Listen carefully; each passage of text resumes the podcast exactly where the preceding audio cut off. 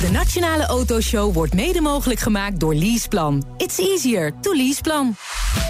BNR Nieuwsradio. BNR, de Nationale Autoshow.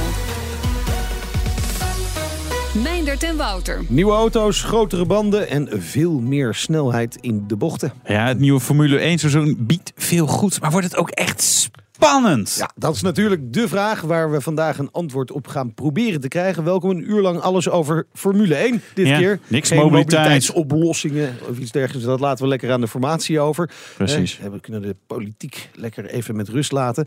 Speciale Formule 1 uitzending vandaag. Heb je een vraag of wil je meepraten? Kan natuurlijk via Twitter, BNR Autoshow. En straks in deel 2 van deze Formule 1 special banden-expert Kees van de Grint. Hij hielp eh, Michael Schumacher aan meerdere wereldtitels. Nou ja, mede natuurlijk. En hij vertelt het geheim van een goede bandenstrategie. Ja, Ja. niet oproken. Is dat belangrijk, Robert Doornbos? Jij bent onze eerste gast dit half uur. Eh, we gaan natuurlijk uitgebreid met jou over het Formule 1 seizoen praten. De beste Formule 1 analist van Nederland, Oh, kunnen we toch wel Precies, zeggen. ja. Bedankt, ik reken zo met je af. Ja, heel goed, dankjewel. Eh analist bij eh, Ziggo Sport en natuurlijk voormalig Formule 1 coureur. Leuk dat je er bent weer. Dankjewel. Eh even, even die banden, hoe, hoe belangrijk is die strategie?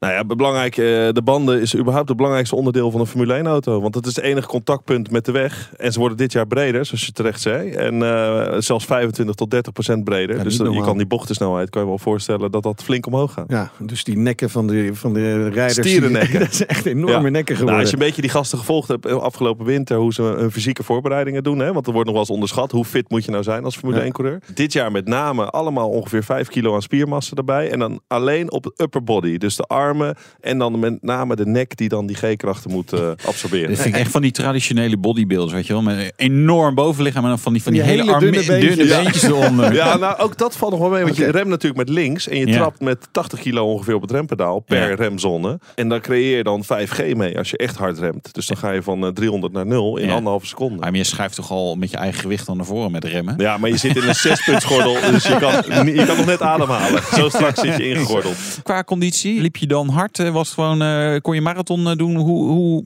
hoe goed was die conditie? Ja, de Formule 1 coureur eh hedendaag is in staat om triathlons te lopen. En, en gewoon goed competitief mee te kunnen doen. Eh, maar daarentegen moet hij ook de concentratie hebben van een schaakspeler. Ja. Want, hè, want die races zijn best lang, anderhalf uur. Eh, moet je gewoon gefocust blijven. En als je fysiek instort, dan stort je mentaal ook in. Dan ga je foutjes maken. Ja. Dus dat is wel, eh, het wordt nog wel eens onderschat. Maar die Ja. gasten trainen vier tot vijf uur per dag. Oké, Ja. maar Maar- fysiek is het dus eigenlijk een Formule 1 eh, coureur is een duursporter. Ni- niet Het is een duursporter, want je moet minimaal, eh, je moet eigenlijk weinig eh, gewicht hebben natuurlijk. Ja. En dan met lengte, eh, dus het vetpercentage moet laag zijn. Ja. Ehm, Ja. Dat is bij mij niet meer helemaal wat het was. Maar goed, eh, dat is logisch. Er heel goed uit, hoor, uitgebalanceerd eten, 80 gram pasta, eh, een beetje broccoli. Beetje, dus het is echt leven als een topsporter. Eten, trainen, slapen, reizen en, eh, en racen. Dus jij was dolblij toen het stopte? eh, Eindelijk een Formule 1. patatje Nee, eindelijk een patatje. Lekker. Ja, maar ik denk dat, dat, dat weinig mensen dat weten. Want ik Ja. zag ook van, ja, weet je, hoe, hoe fit zijn ze? Ja, wel fit, maar als jij zegt triathlon, denk ik, nou, wauw, dat is wel... eh, Ja, dat- kijk maar naar Jensen Button. Die doet het dan voor de lol. Doet hij dat in de weekenden erbij. En nu is hij dan eh, met pensioen. Dus hij kan heel het jaar rondrennen de wereld over. Maar de- dat is echt... Maar, Wouter, wij zijn ook topfit. We moeten al die auto's testen. ja, weet je wel, precies. G-krachten. Uur lang radio moet je ook, gelaten. eh, mentaal weer- scherp zo'n hybride eh, panda. Dat is toch super? Hey, we gaan kijken naar die wintertesten. hè. Die zijn Ja. net afgerond. eh, vlak voor het begin van het echte Formule 1 seizoen. Eh, je hebt natuurlijk met veel interesse dat allemaal gevolgd. Heb je al een conclusie na twee weken testwerk? Eén conclusie sowieso is dat de McLaren Honda, die, eh, ik denk dat in Japan momenteel eh complete chaos is. Want die, dat zijn toch echt wel de grote verliezers, om daar maar eens mee te beginnen, van de een beetje de. PvdA's van eh, de Formule 1. echt, ja, ja, echt. Die zijn heel veel zetels kwijt. En misschien wel hun coureur zijn ze het ook kwijt. Maar Alonso. dit is toch Want die elke- verwacht dit. eh, al jaren dat Honda, dat is toch elke keer weer gezeur? Ja, maar het is onbegrijpelijk dat Honda in het verleden natuurlijk heel succesvol is Ja. geweest in de Formule 1. En, en McLaren ook. Dus die twee als combinatie zou je denken, dat is een, eh, dat is een gouden combi. ja. Geef ze 1, 2 jaar opstart Ja. en dan komen ze er wel. Maar dit was echt een drama. Ze konden 11 rondjes aan één stuk rijden zonder dat die eh, kapot ging. Ja. Maar hoe kan Nou ja, een dat Grand nou? Prix is eh, 60 of Er 70 rondes. toch succes. geen, geen koekenbakkers daar. Nee, en ze hebben een mega budget. Maar op deze manier sponsoren vinden en om het budget Ja, uit te ja. breiden, wordt Ja. alleen maar moeilijker. Ja. Dus eh, dat zijn toch wel voor mij de verliezers. Nou, en de winnaars, ja, je krijgt er niks voor hè, als je de wintertest eh, bovenaan staat. Het is meer eh, een beetje psychologische eh, oorlogsvoering. Ferrari is wel heel goed eh, voor de dag gekomen. Mercedes, ja, die Duitsers, eh, Duitse poedeligheid, die, die auto als een soort tank. hè. dus hij is snel en betrouwbaar. Ja. Dus dat is eigenlijk wel een gevaarlijke combinatie. En van Red Bull hadden we iets meer verwacht. Maar het kan zijn dat ze ja, een beetje verstoppertje spelen. ja, kan dat? Het kan, omdat je ehm, met verschillende benzineladingen kan rijden. Verschillende motorensettings. Ja. Dus je hoeft niet te laten zien aan de concurrentie hoe goed je bent. Ja. Maar die analisten bij die teams die kunnen wel uitrekenen. Met name bij Ferrari zagen ze dat, dat die in de laatste sector even van zijn gas afgingen. Dan denken ze, oké, wacht even. Sector 1, 2 en 3 hebben ze toch wel een hele goede auto. Ja, ja. Ja, je kan uitrekenen hoe goed ze zijn. Maar ik denk dat Red Bull niet Maar als, je, staat. maar als je bijvoorbeeld op 90% vermogen of zo rijdt, dat, dat kan je natuurlijk niet, dat, kan je van buiten niet zien. Dat weten ze alleen bij, eh bij McLaren en Honda, dat ze maar op 90% Ja, rijden. nou, die rijden denk ik op 60 spreken. Het, het- het gaat niet harder. Nee, maar dat kan, Ehm, dat kan je niet zien, toch? Nou ja, van in het verleden is gebleken dat een team als Mercedes altijd safe rijdt. En dan het moment is daar zaterdagmiddag, de kwalificatie. Nou, dan halen ze ze gewoon één knallen. keer 60 pk erbij Ja. of zo. Dus Ja. dat is, eh, ja, dat, dat weet je, daar kan je Ja, mee werken. Maar wat betekent dit dan voor waar Red Bull en dus Max Verstappen staan?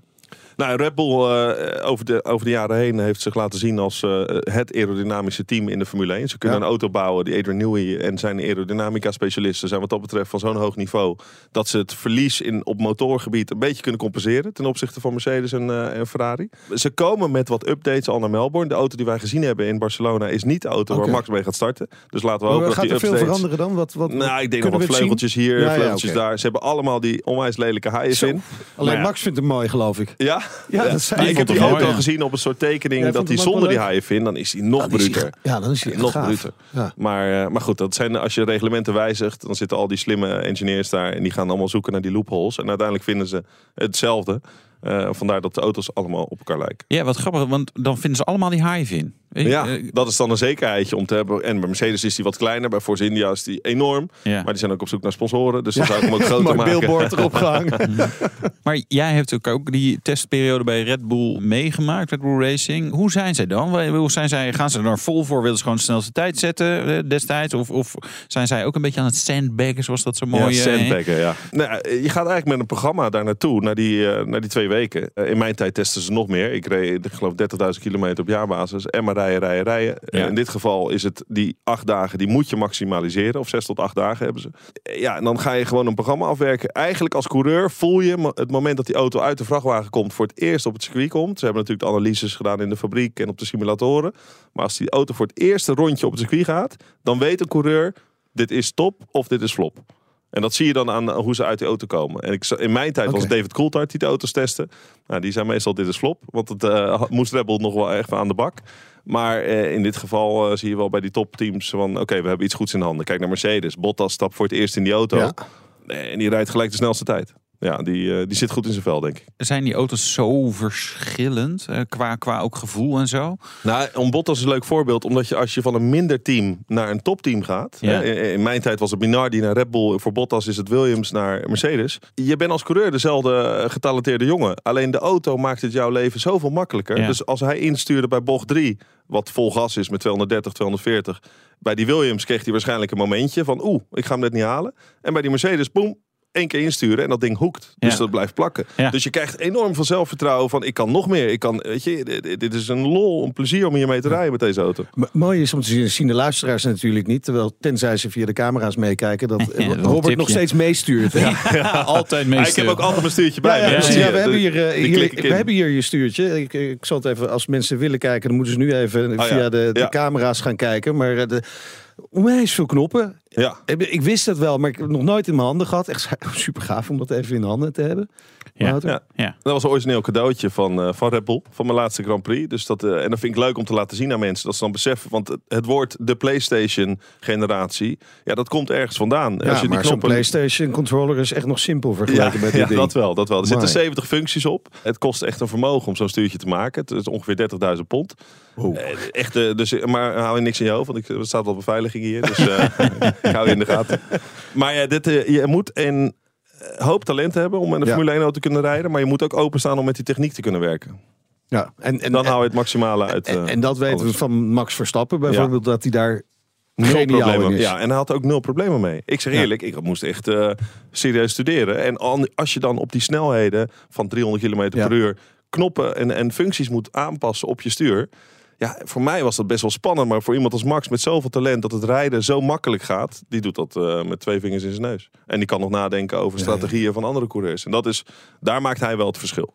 Ja, dat Daar maakt hij wel echt ja, het verschil. Ja, ja, daar maakt hij het verschil. En hij moet het verschil ook wel maken. hè, Want je, je zegt al, ja, de Red Bull zit toch wel echt onder eh, Ferrari en Mercedes. Zoals er nu naar uitziet, het wordt het een, eh, een spannende top 6. En dan zitten zij een beetje aan de onderkant ja, van die top 6. Van de Nou top ja, zes ze, ze, ze hebben wel gezegd. Ja, van, ze hebben twee auto's per team, dus je hebt ja. drie, eh, teams. nee, Ze hebben dacht wel gezegd van dat ze Renault, want die, de motor, nou, ze verwachten wel mee te kunnen doen. Ja, ze wachten zeker mee. Kijk, in die kwalificatie, het is een verschil tussen hoe snel ben je op zaterdagmiddag en hoe Ja. snel ben je op zondag. Ja. Over de lange stints. Ja. En, eh, en eh, ja, hoe ga je met die bandenslijtage om? Max heeft ook bewezen dat het geen enorme bandenvreter is. Hij kan echt wel goed die banden managen. Ja. Ehm, Ja. Maar ja, daar Ja. kan Kees meer over vertellen straks. Ja. De banden managen. Maar dat komt ook wel ook de discussie even. Ah, jij wil, jij wil iets anders, hè? Nee. Ik zie jou je met je dingen. Die, Ja, die vraag maar- stel ik dan straks over het starten van Max. Precies, over het starten van Max gaan we het zo hebben eh, met Robert Doornbos, voormalig Formule 1-coureur en nu de beste Formule 1-analyst van Nederland. Zeg het nog maar een keer gewoon. Wat aardig van jou. Ja, dankjewel. Dat is 50. BNR Nieuwsradio. BNR, de Nationale Autoshow. Tijd voor het nieuwsoverzicht van deze week, Wouter. En we hebben echt te maken met een heuse familieruzie binnen het eh, Volkswagen-concern. Loopt echt hoog op. Pierre, oud-voorzitter, wil zijn aandelen in Porsche, of in ieder geval een deel van zijn aandelen in Porsche verkopen. Ja, want hij heeft eh, bijna 15% van de aandelen in Porsche Holding. Het is wel ingewikkeld met die aandelenstructuren daar. Maar in ieder geval is het ongeveer 1 miljard euro waard. Nou, zou je zeggen, verkopen en lekker rentineren. Maar eh, de- deze meneer is al eh, ruim de daar pensioen die aandelen niet voor verkopen, leeftijd trouwens. eh, gepasseerd. En eh, doet nog steeds wel wat dingen.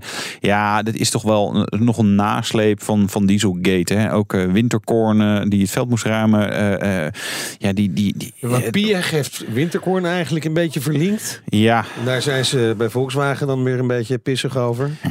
Ja, ja, weet je, eigenlijk is het gewoon, gewoon een één grote soap. Hier gaat ooit een film nog over worden gemaakt hoor. Over Ja. deze familie en hoe dit allemaal is gegaan. Überhaupt al, eh, al, die, al die jaren. Eh, het, zal, het zal alleen moeilijk zijn. Ik denk niet dat een Duitse filmproducent dat aandurft. Want nee, nee, zeg maar de familie Pierre en, en Volkswagen. Dat is, dit is wel een, Dus denk een, ik gewoon lekker in Hollywood laten zien. ja, nee maar, nee, maar dit is natuurlijk de machtsblok van je welst in Duitsland. Ik Het is ook een echt groot bedrijf. Dus ja, dit, eh, dit hakt er daar wel Ja, even in. en een scenario schrijver heeft ook nog een heel karwei om dat allemaal te begrijpen. Maar goed, ehm, eh, we hebben zelf in Nederland een verkiezingsuitslag. VVD de grootste. Ja. Een mogelijke coalitie met dan eh, D66, CDA. De vraag is natuurlijk wie wordt de vierde partij die daarbij komt. De ChristenUnie of GroenLinks. Ja, en wat betekent dat dan voor de automobilist? Ja, Komt er nou meer asfalt of toch eh, meer elektriek? Ik denk dat er niet zo heel veel spannende dingen wil. VVD wil geld voor eh, eh, nieuwe wegen. CDA ook. Eh, absoluut geen kilometerheffing. Staan ze ook beide in. Maar ja, als stel dat ze met gro- groen, hoe heet ze? GroenLinks, Jesse, Jesse. Yes, yes. Onze willen zijn. Ja, die wilde geloof ik een euro per kilometer. Hè, moesten gaan aftikken of iets Ja. dergelijks. In ieder Ja. geval fors betalen. Dus dank Amsterdammers. Want jullie hebben allemaal massaal op hem gestemd. Ja, en de ChristenUnie wil volgens mij in 2025 alleen nog maar elektrische auto's eh, in de verkoop. Ja, Dus maar dat is eh, voor onzinnige... D66 is voor rekening rijden Ja. of betalen naar gebruik. Ja, betalen, we betaalt wel naar gebruik. Dus heel veel accijns op Ja. eh, brandstof. Nou, Goed. klaar. We hebben al kilometerheffing. Heel gedoe dus. En onzuinige auto's betalen meer. Ja, en des te meer reden voor autofabrikanten om te frauderen. En wat blijkt, eh, Renault doet dat al 25 jaar met software. Ja. Is überhaupt de vraag. Kunnen ze al 25 jaar software Ja, blijkbaar. schrijven daar? Ja, goed, ja, ja, sinds 1990 schijnen ze te hebben gefraudeerd. Ja, dit is, dit is best bizar. Ja, aan de andere kant ook weer niet. Hè? Dus we weten eigenlijk toch wel dat alle fabrikanten hebben geweten dat er dit soort mogelijkheden waren. Ik bedoel, daar kan je denk ik van uitgaan. Dan zullen ze niet allemaal alles hebben uit de kast hebben Nee, en getrokken. de vraag is, hebben ze gewoon het randje opgezocht? Of zijn ze echt Ja. over de scheef gegaan? Ja, En hebben ze nou, de Franse justitie gaat dat eh, eh, uitzoeken. Hè. Maar een, een oud technicus eh, die zegt, joh, vanaf eh, 1990 in de eerste Clio's zaten al dit soort systemen. En toch denk ik dat het meevalt.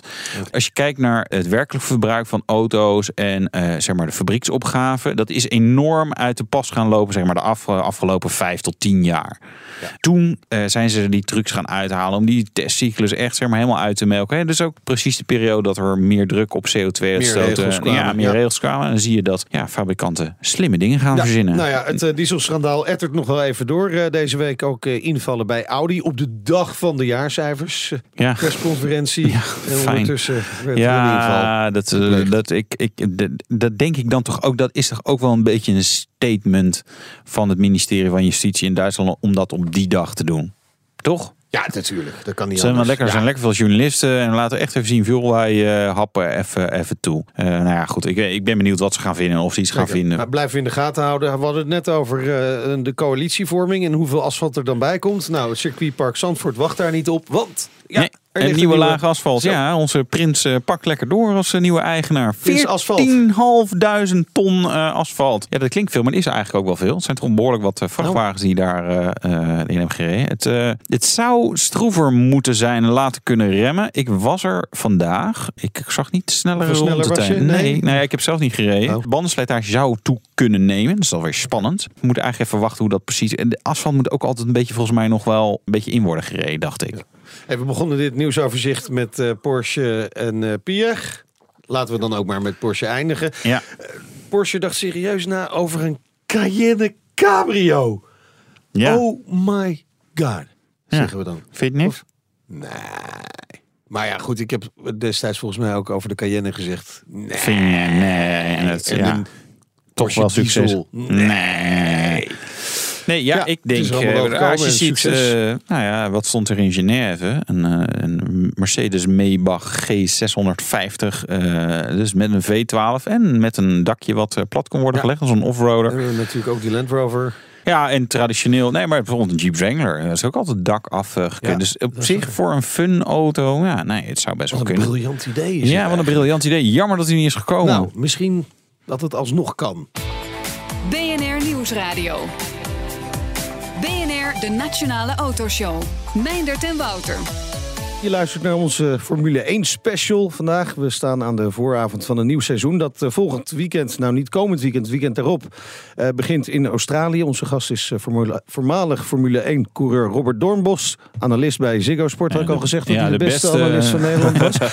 Het eh, eh. Ziggo Sport, Ja. het kanaal dat alle Formule 1 races van start tot finish uitzendt. En eh, Robert, het, het, het nieuwe seizoen, ja, het begint echt wel bij iedereen te kriebelen. Hè? Bij jou helemaal waarschijnlijk. Eindelijk. Weet je, want normaal eh, wordt er wel meer getest. En was die winterstop iets minder, minder lang. En nu eh, was het echt wachten tot februari voor die eerste paar testdagen. Ja, en dan in maart beginnen. En uiteindelijk het race op zondag is het leukste om naar te kijken natuurlijk. Waarom hebben ze die winterstop zo, zo lang gemaakt eigenlijk?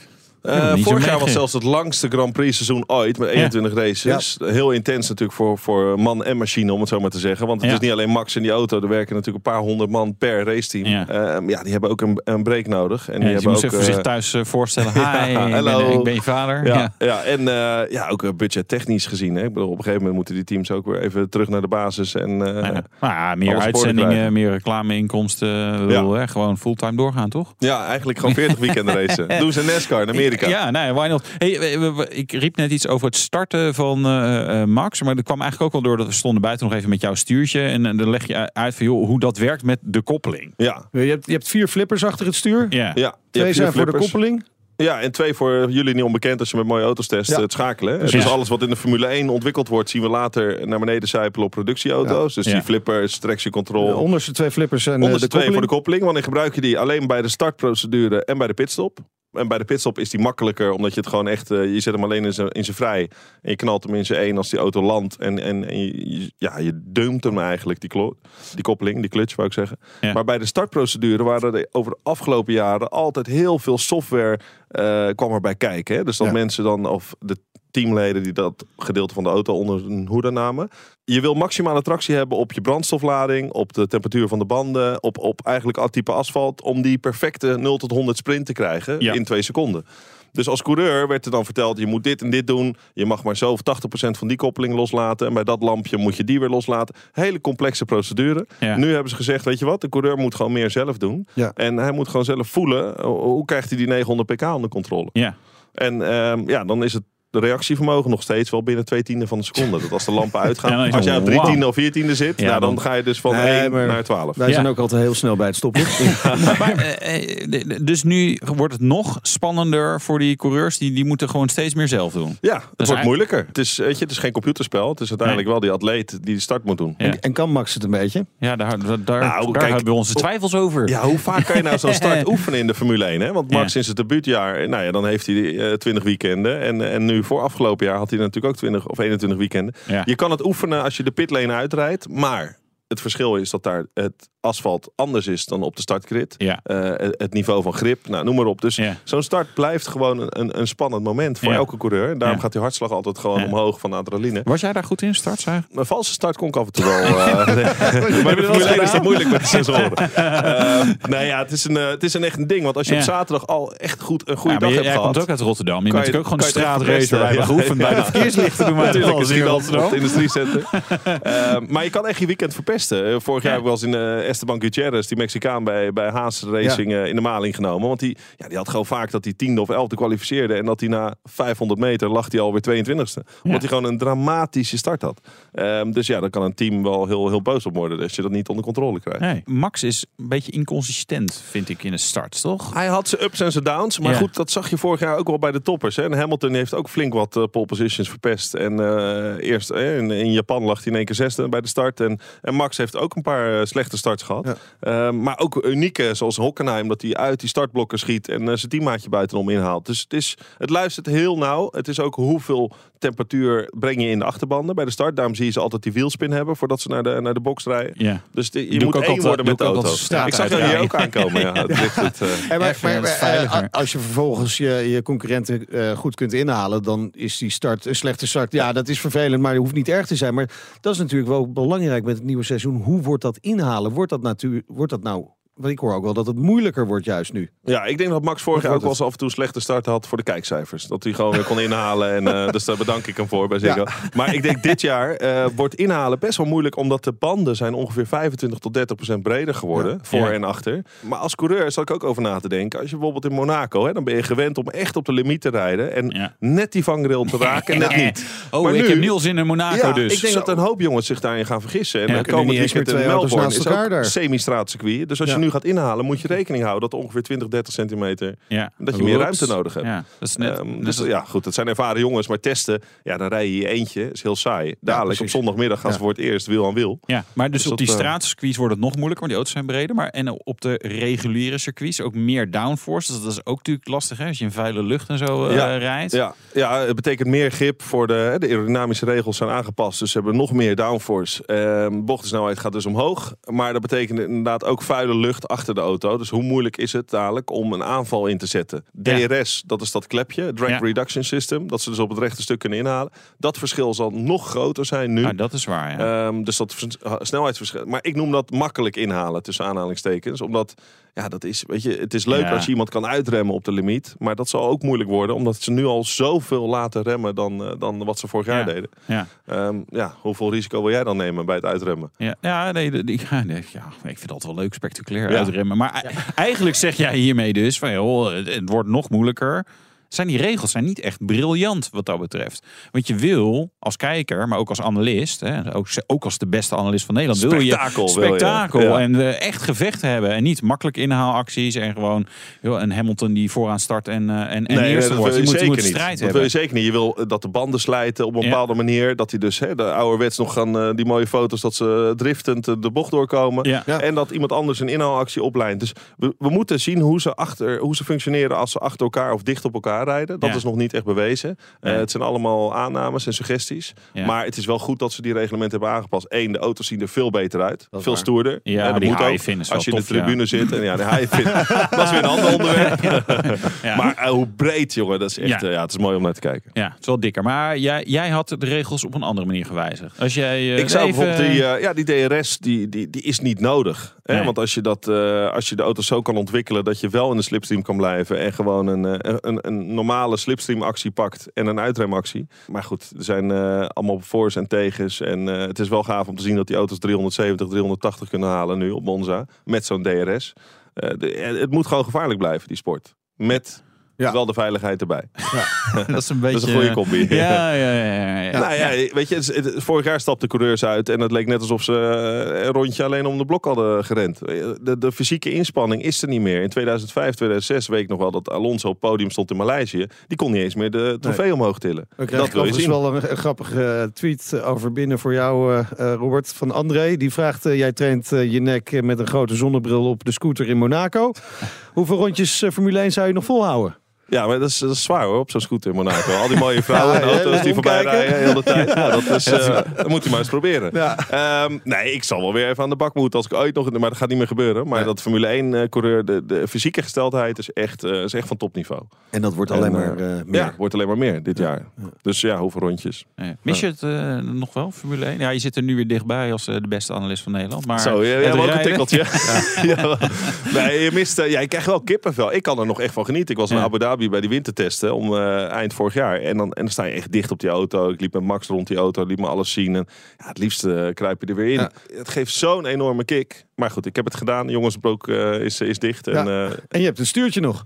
En ik heb stuurtje nog. Ja, Ja. precies. Ja. Over- we- Nout die plaatst even online een foto van het stuurtje, zodat mensen ook kunnen zien hoe ingewikkeld het eh, is. En ik Ja. geloof ik ook een mooi filmpje ervan, eh, van hoe dat allemaal werkt. Maar eh, Ja. echt- Ja. echt vooral even kijken, want het is echt wel bijzonder eh, hoe dat eruit ziet. Ja, we hebben eh, tien knoppen. En, wat zijn die draaidingen? We hebben allemaal draaiknoppen. Ja, in mijn tijd had je nog eh, traction control, eh, Ja. engine braking, motor settings kan je aanpassen. Dus dan Ja. krijg je van het team te horen van, eh, nou, je mag nu maximale brandstofverbruik. Hè, dus voor één rondje de kwalificatie of twee. Ik. In de race was ik wel eens eventjes eh, de- eh, ja, tijdelijk doof. Dan had ik hem zelf even op acht staan, terwijl het team aan het gillen was van, eh, zet hem terug, zet hem terug. Ja. Maar je wil dan inhalen. Pit limiter, drinksysteem. Drinksysteem, ook zoiets. Ja, dat, is, dat zit ingebouwd. Dat is maar een litertje vocht wat je meekrijgt. In een Grand Prix als Maleisië, dat het eh, 60, 70 graden wordt in die cockpit. Ja. En buiten heb je ook nog eens een keer Hoeveel 90 raak je graden kwijt? luchtvochtigheid. 2,5 kilo. Oké. Nou, dat is veel. Ja. Mijn zus zei ook van, doe mij ook zo'n eh, zo'n. Net voor de zomer. Ja. Even, strak worden. Ja. dan werkt zo'n drinkzakje niet meer. Want dat is dan met een, met een rubber buisje gaat het naar je helm. En je drukt op het knopje. En meest 9 van de 10 keer is dat al gesmolten na twee rondjes. Dus dan, eh, dan is het anderhalf uur afzien. Ja.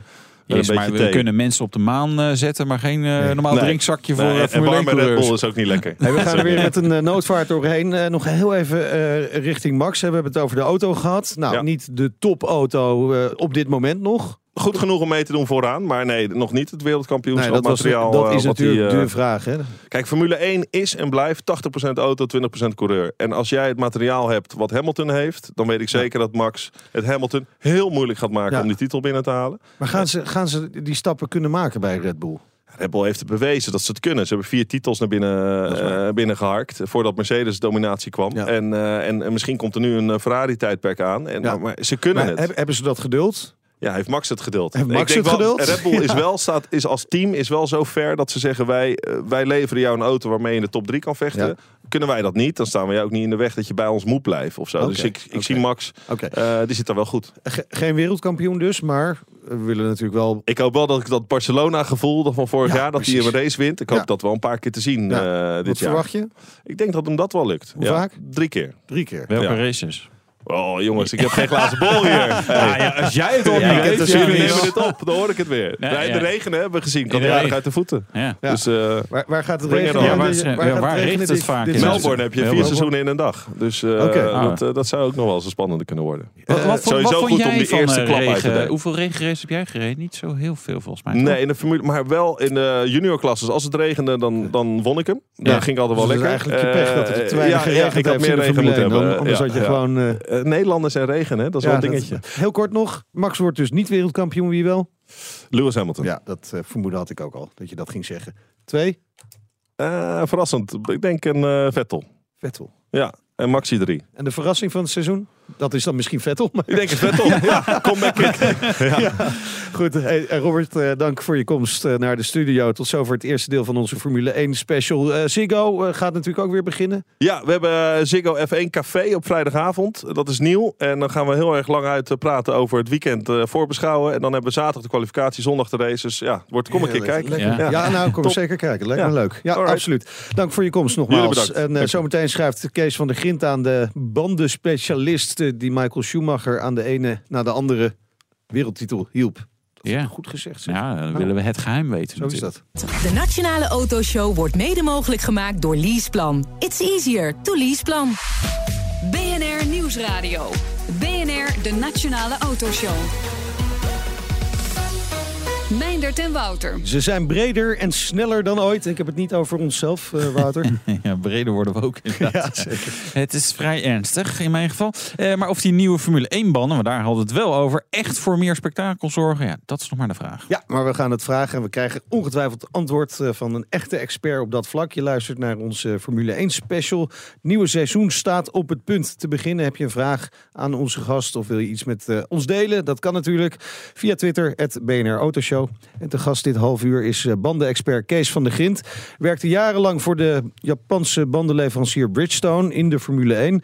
En eh, vierde eigenlijk ook wel hele grote successen met het eh, team van Ferrari. Welkom, leuk dat je er bent, Kees. Laten we even teruggaan in de tijd, 10 tot 15 jaar geleden, periode van Michael Schumacher. Zeven wereldtitels in de Formule 1.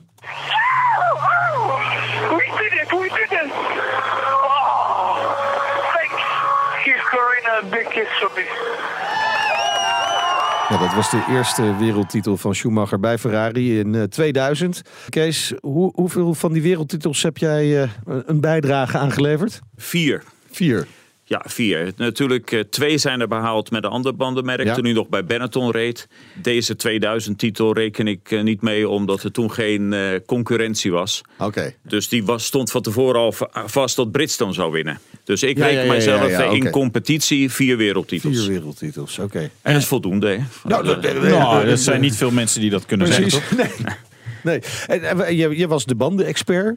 Hoe, hoe draag je dan bij aan dat, die winst of dat verlies? Ja, het verlies dat heb je natuurlijk altijd. Als er niet ja, gewonnen wordt, dan is, dan is het e- de eerste schuldige is de bandenman. Oh ja, oké. Maar dus ik wil het positief houden. En uh, je draagt daaraan bij door goed te luisteren naar wat de constructeur, de, de, de, de ontwerper van de auto en natuurlijk wat de rijder wil hebben. En dan is het, was het mijn taak om dat te vertalen naar Japan, waar onze experts zitten, om dan zo tot een eindproduct te komen wat het beste paste bij die auto en bij de rijstijl, in dit geval van Schumacher. Ja, zit er dan zo zulke grote verschillen in? Dat, dat het echt, zeg maar, op coureur eh, wil, wil die dan een stijvere band? Of, of hoe, hoe gaat dat? Weet je, waar, Nou ja, daar zit natuurlijk een heel groot verschil in. Want uh, zeker in die tijd, hè, waar het, het mogelijk was uh, om de band te ontwikkelen voor de auto en voor de rijder. Ja. En dan is het maar simpel dat een rijder prefereert bijvoorbeeld onderstuur. Ja. Een andere rijder overstuur. Ja. En dat kan je door de constructie van de band uh, kan je dat corrigeren of juist aanmoedigen. Dus dat, dat, daar waren heel veel mogelijkheden mogelijkheden. Ja, maar dan krijg je lekker smalle bandjes voor. Dan een beetje onderstuur. Veil, lekker veilig.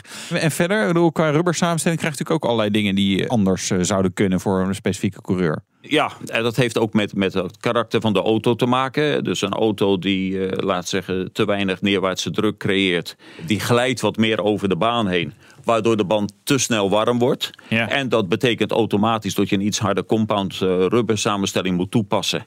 Waardoor ja. de grip weer wat minder is ja. en daardoor de snelheid weer wat minder. Ja, en dan gaat hij nog meer glijden. En dan gaat hij nog meer glijden, dus het vermenigvuldigt zich de problemen dan. En heb je een rijder die daar wel beter mee om kan gaan. Of, en dat is heel belangrijk, eh, een meer, meer neerwaartse druk. Dan plakt hij beter en dan gebeurt dat minder. En dan kan je weer zachter en dan heb je weer meer grip en steeds weer sneller rijden. Ja, dus, dus per coureur kon dat nogal verschillen? Kan ik me zo voorstellen. Hoe belangrijk is dan het, het contact met zo'n coureur? Ik kan me voorstellen dat het ontzettend belangrijk kan zijn. Ja, die is enorm belangrijk. Hè? En, en ik moet dan zeggen, uh, wel even voor de duidelijkheid...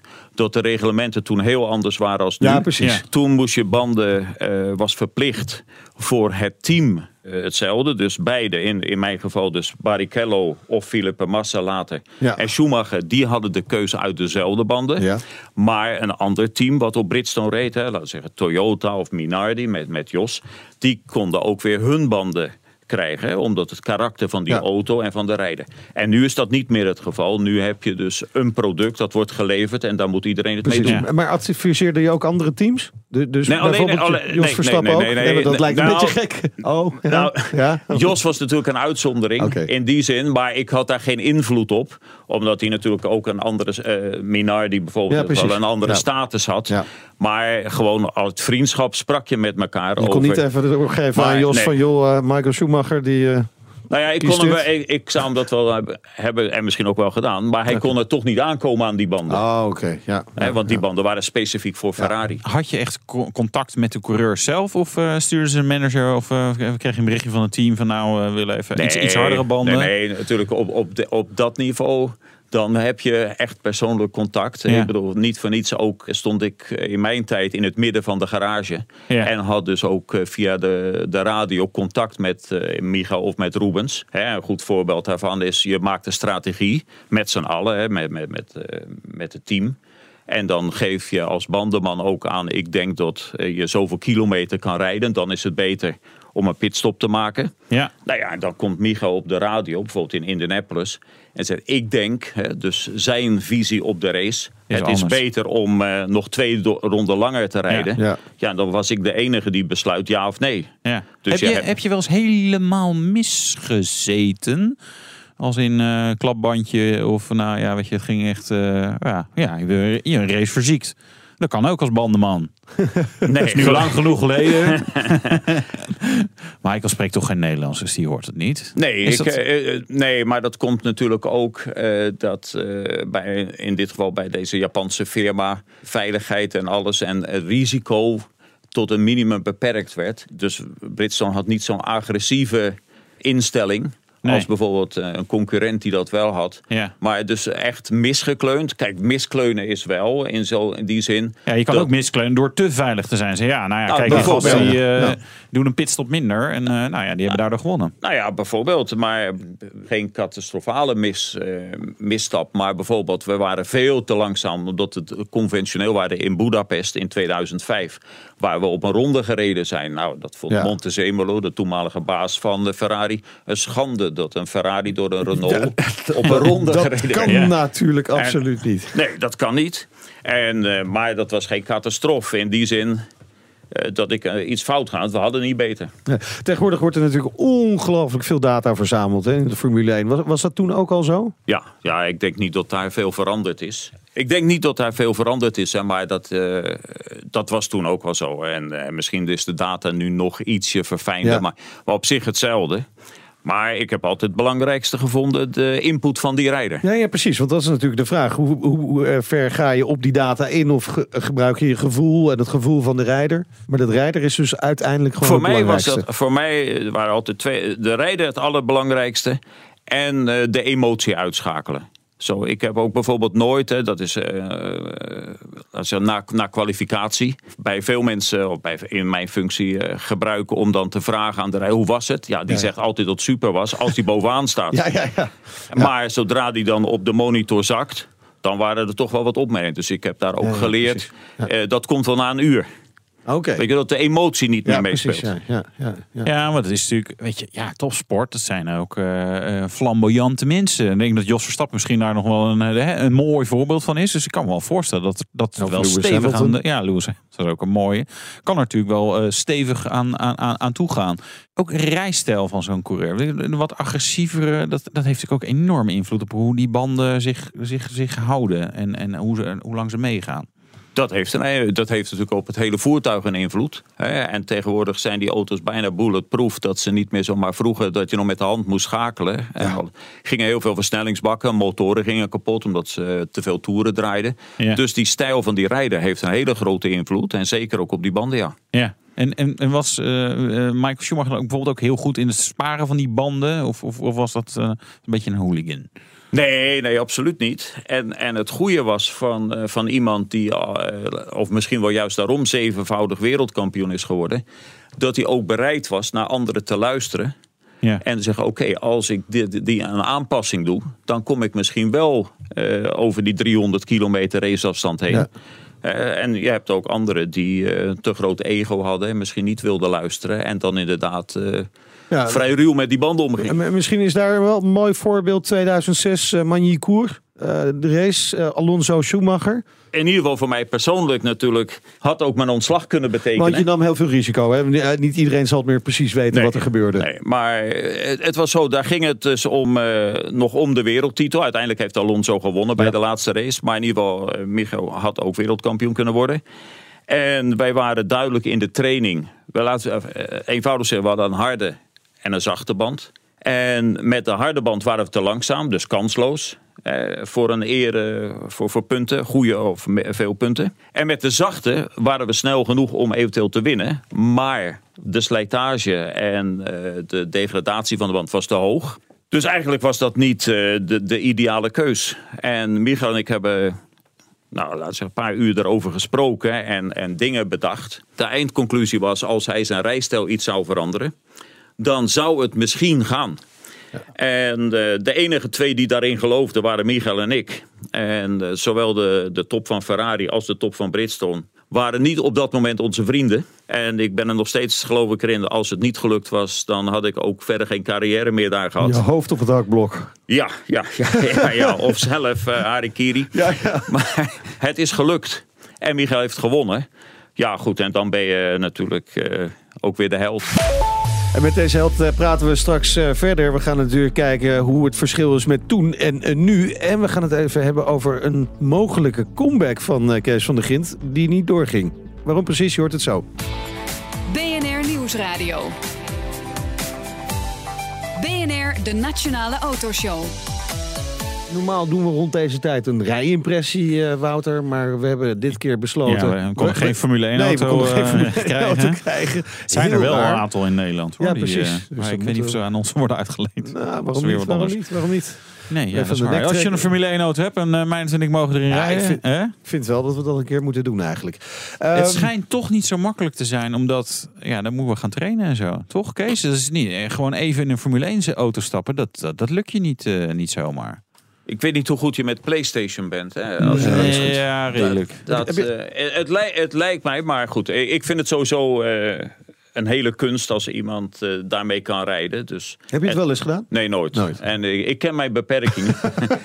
dat is ook een kwaliteit. Maar ja, dat is ook wel raar, want dan ben jij de bandenexpert en je hebt nog nooit zelf in zo'n auto gereden. Hey, ik bedoel, je, je hebt het super gedaan. Dus het is, het, is, het is niet zo dat ik denk, nou, dat is ook uh, raar, maar het is wel uh, apart. Weet je? Nou ja, ja, goed, ik heb het niet super Wij hebben, hè, je doet het met z'n allen. Ja. En één factor is, zeg maar, mijn know-how van wat misschien de beste band zou zijn. Ja. Niet te bescheiden, en, en, en de rijder, in dit geval Schumacher of Barrichello... Ja. Of, zo, die hebben ook hun bijdrage door dat te vertalen wat ze willen hebben. Dus ik denk niet. Uh, het zou fijn zijn als. Maar heb jij überhaupt op het circuit wel gereden? Dat heb ik wel, ja. ja? Veel of, of, of moi? Nou, twee jaar zo met de Formule Ford. Oké, okay. en uh, dan ook, in, ook in, Ja, goed. In, in, in, ieder geval is het dan wel fijn dat als die rijder tegen jou zegt: uh, Ik heb te veel onderstuur, dat jij ook weet wat dat betekent. Ja, dat, die muur... dat weten wij ook wel. ja, maar heb je dat ervaren dat die muur zo snel of die vangrail zo snel op je Ja, ook nog. Okay. Ja, ja, niet geraakt, dat niet. Nee. Uitstekende stuurman. Ja, dus wij kunnen ook gewoon bandenexpert ja. worden, joh. Ja, ja, ja nou, kompa. Doe een poging. Jij weet heel goed hoe je rubber moet verbranden. Maar um, heel even naar uh, Michael Schumacher nog. Hè, want we weten natuurlijk allemaal dat, uh, dat uh, heftige ski-ongeluk. jij kende hem persoonlijk? Kent hem persoonlijk? Ja, ja. ja, hoe, hoe is de situatie? Heb je nog contact met de familie? Nou ja, goed, dan moet ik helaas zeggen, daar doe ik geen mededeling okay. over. Okay. Dus uh, dat zeg ik tegen iedereen. Ja, ja, en, dat, prima, en dat, dat geldt ook hier. Dat uh, respecteren ja. we dan ook. Maar, nou, dankjewel. Prima. Nee, maar goed, het is hier goed te weten dat je nog steeds wel contact hebt. Ja, ja oké. Okay. Laten we naar voren gaan kijken. Hè? Want Bridgestone, je, je, je werkt nog altijd als adviseur voor Bridgestone. Waar, waarom leveren ze niet meer aan Formule 1? Nou ja, een van de argumenten waarom dat dus op termijn gestopt is is dat uh, Bridgestone uh, competitie wilde. We willen ons afzetten en laten zien of we beter of in sommige gevallen slechter zijn, maar in ieder geval ja. competitie. Ja. En toen uh, er besloten is dat er geen competitie meer zou zijn, één merk band. Ja. Toen was het uh, ook Michelin, hè, die hadden dezelfde instelling. En die zijn er toen meteen meegestopt. En eigenlijk op verzoek van de FIA heeft Bridgestone nog een paar jaar verder gedaan als, als eh, leverancier voor het hele veld. Ja. Maar uh, het was totaal tegen de filosofie van de firma en de doelstelling waarom aan Formule 1 mee te doen. Ja. Ja, vind jij persoonlijk denk ik ook wel jammer nee, dat er niet meerdere bandenleveranciers zijn, dat je competitie hebt? Heel erg jammer. Ja. Heel erg jammer. Ik heb mijn hele carrière in de competitie gezeten. Behalve het laatste jaar 2007 in Formule 1. Dat Bridgestone iedereen aan uh, leverde. Ik vind dat niets. Maar waarom niet? Ten eerste die uitdaging. Hè? Want Formule 1 is de top. Ja. Dus niet alleen qua rijders, maar ook technisch. Dus je wil ook technisch uitgedaagd worden. En als ik van de, in de winter al weet, ik ga die banden leveren. En of ze nou goed of niet zo goed zijn, dat kan ik niet bewijzen. Want die ene rijder zegt ze zijn slecht en die andere rijder zijn goed. Ja. Maar ik wil nou dat zien ten opzichte van een ander. Luister naar alle argumenten die rijders de afgelopen drie, vier jaar gehad hebben. Maar je weet niet, ligt dat nu aan Pirelli? of ligt dat... Uh, aan de auto, aan, de, coureur? Ja. Uh, dat weet je niet. Nou, dus ik vind het niet. Daarbij komt dat ik het heel vreemd vreemd vind dat uh, we praten hier over Mercedes race tegen Ferrari hè, of tegen Renault. Nou, dat kan dus, hè, die, die merken race tegen elkaar. Dan hebben we een aantal motorenleveranciers. Die hebben ook competitie. Ja. Heb je een, uh, en eigenlijk alleen de banden niet. En alleen de banden niet. Dus ik vind dat vreemd. Ja. En, en, en het, het past mij ook niet. Dus, uh... nee, nee, precies. Nee, en het is ook zonde. Het zou dus ook het spannender kunnen maken, de Formule 1. Want dan kan je eens een keer een echt betere band hebben. Dus stel, Bridgestone zou aan Red Bull eh, leveren. Die misschien nog wat pk's tekort komen ten opzichte van Mercedes en Ferrari. Maar doordat ze een betere band hebben, wint onze Max dus dan. Nou ja, dat kan is het maken? Je, je, kan ze wel het geluk hebben dat je de beter hebt. Hè, maar ja. dat is ook bewezen. Kijk, nu is het absoluut onmogelijk op eigen kracht... dat bijvoorbeeld Sauber gaat winnen. Ja, ja. Daar moeten we het over eens zijn. Dat is onmogelijk. Ja. Maar in het verleden, toen die strijd er was... Hè, bijvoorbeeld strijd tussen Bridgestone en Goodyear... toen wij nieuwkomer waren... waren onze banden duidelijk beter. En kon een Prost een auto die nu vergelijkbaar is, laat zeggen, in het veld met een Sauber, kon winnen. Ja. Uh, Damon Hill met een Aeros met Bridgestone reed vooraan. Ja. Ah, nou, dus het geeft dan die verrassing. En dat laat dan ook zien, oh, die banden die zijn hartstikke goed. Hè? Net zo goed als die banden zijn hartstikke goed. Net zoals een motor dat laat zien. Ja. Ja, dus ik betreur dat zeer. Ja, ik ben daar ook geen fan van, van, ja. uh, van eenheidsworsten. er is natuurlijk wel een reden waarom we met jou over de banden praten richting komend seizoen. Want die banden zijn een van de grootste uh, veranderingen uh, richting komend seizoen. Hè? Veel grotere banden. Even buiten het feit dat het van één merk komt. Wat, wat, vind je ervan, dat die de banden zoveel groter zijn geworden? Ik, ik, deel niet zo die euforie dat het daardoor beter zou zijn. Hè? Kijk, het gaat natuurlijk altijd nog om de kwaliteit van de banden. En die 8 centimeter die het breder wordt. Ja. Ja, dat zegt niet zoveel. Er zijn ook genoeg voorbeelden waar, uh, ook in de tijd van de competitie, dat de ene merk breder had dan de andere en dan toch de smallere won. Het gaat om die kwaliteit van die banden. Ja.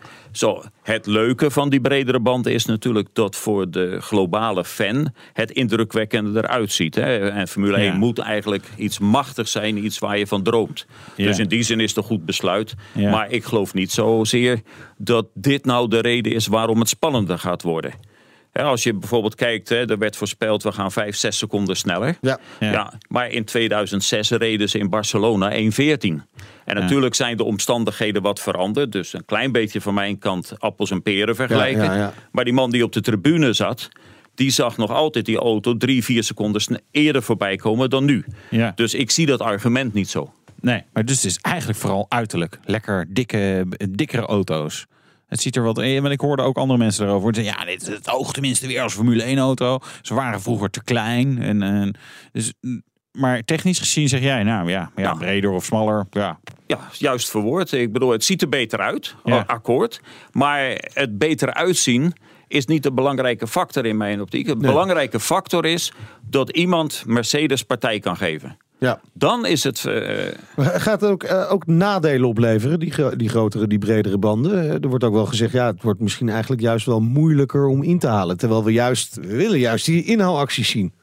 Ja, maar ik geloof niet dat dat door die bredere banden komt. Ten eerste hebben we Max Verstappen die laat zien dat je wel kan inhalen met een Formule 1 auto. Ja. hè. Dus dat is Nee, één ding. gelukkig, Dus precies. Maar we vaak hopen wo- dat hij dat vaak blijft worden- doen natuurlijk. Vaak worden dingen als excuus aangevoerd. Ja. Eh, maar de allergrootste handicap voor, eh, vanwege het inhalen is de aerodynamica. Ja. En daar is niets aan veranderd. Ik bedoel, er is wel veranderd de vleugel meer naar voren gaat en de achtervleugel wat omlaag. Ja. Maar het, eh, de, de definitie blijft hetzelfde. Ja, ja. En als je te dicht bij die andere auto komt, dan verlies je zo wat neerwaartse druk en kan je haast niet inhalen.